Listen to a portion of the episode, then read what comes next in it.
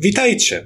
E, proszę, nie regulujcie swoich odbiorników. E, wiem, że nasz obrazek e, ilustrujący ten podcast jest troszeczkę inny, a to dlatego, że mamy dla Was dwie wiadomości: złą i dobrą. Zła jest taka, że w tym tygodniu lewackie pitolenie znowu się upóźni.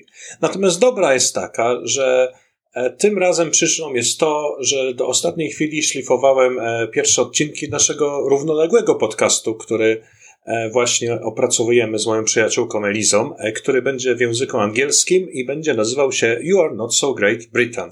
W tym podcaście staramy się przebić e, tego brytyjskiego balona, który polega na tym, że Brytyjczykom wydaje się, że ich kraj jest najwspanialszy pod słońcem pod każdym względem i dlatego nawet nie widzą, ile w nim jest do poprawienia, bo to troszkę tak jak wiecie, jak się ma problem, e, póki człowiek nie przyzna się przed sobą samym, że ma problem, to nigdy nie będzie w stanie tego problemu próbować naprawić, a E, my naprawdę dobrze życzymy Brytyjczykom i chcielibyśmy, żeby naprawili swój kraj, dlatego bierzemy tutaj z pomocą i staramy się im pokazać to, e, co jest w ich kraju nie tak i wymaga poprawy.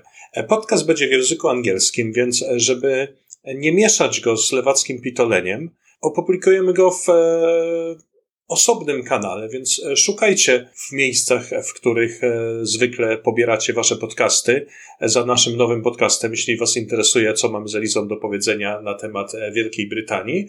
A tymczasem, jeśli czekacie na lewackie pitolenie, to obiecuję, że już niedługo pojawi się kolejny odcinek. A tymczasem na otarcie łez macie tak jakby taką zajawkę tego, czego możecie spodziewać się po naszym równoległym projekcie.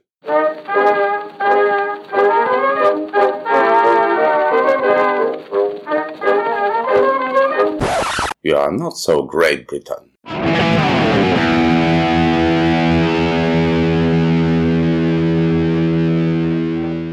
Hello everyone. My name is Tomasz and I'm here with Elisa. Hi Elisa. Hello. We are coming to you with a podcast that uh, we are going to call You Are Not So Great Britain. We are recording that in the days when Britons are getting to terms with the consequences of Brexit and when they are learning that the country is not so great as they thought. It's not like everyone needs them and actually they are not a magnet for everyone to come here uh, as they are no longer in European Union and we do like Britain and we want to help it overcome its issues. And I think the first uh, step to overcome your issues is to admit that you have some issues. So, of our love to Britain, we decided to help you and tell you what your problem is and how you can fix it. Yeah, I love Britain very much. I lived there for almost five years. So, this is not like I'm not against the UK it's just, I think they have realized they are not so relevant as they thought they were. Yes, and also,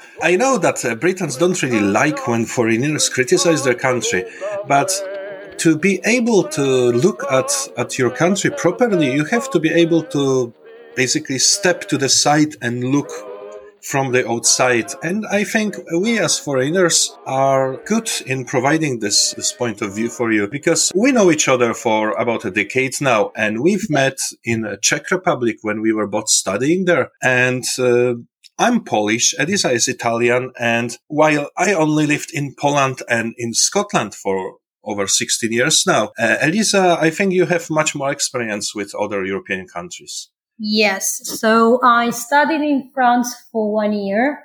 And then I lived briefly in uh, Luxembourg.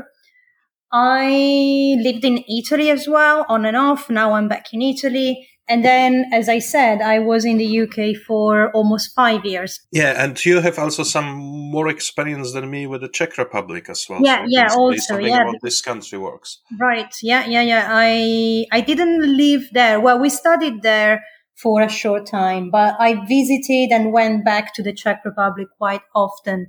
So I, I, I got to experience quite a lot of, uh, uh, not just the country, the culture, but also its public services. So I can make a, an informed enough comparison between, for example, the Czech Republic and the UK. We are here to help. We are here to show Britain what can be fixed to make this country really great. Because to be frank, it is not great at the moment and it's not getting better with Brexit, with Tory government and with everything that is happening in here now. And we would really like to see this country flourish and we are here to open your eyes and to point to you things that may not be so great. Yeah, exactly. And uh, maybe possibly how to address them. But yeah, as you mentioned, the first thing uh, you need to do to address a problem is to admit there's a problem, which is something that I have noticed the UK is not always quite willing to do.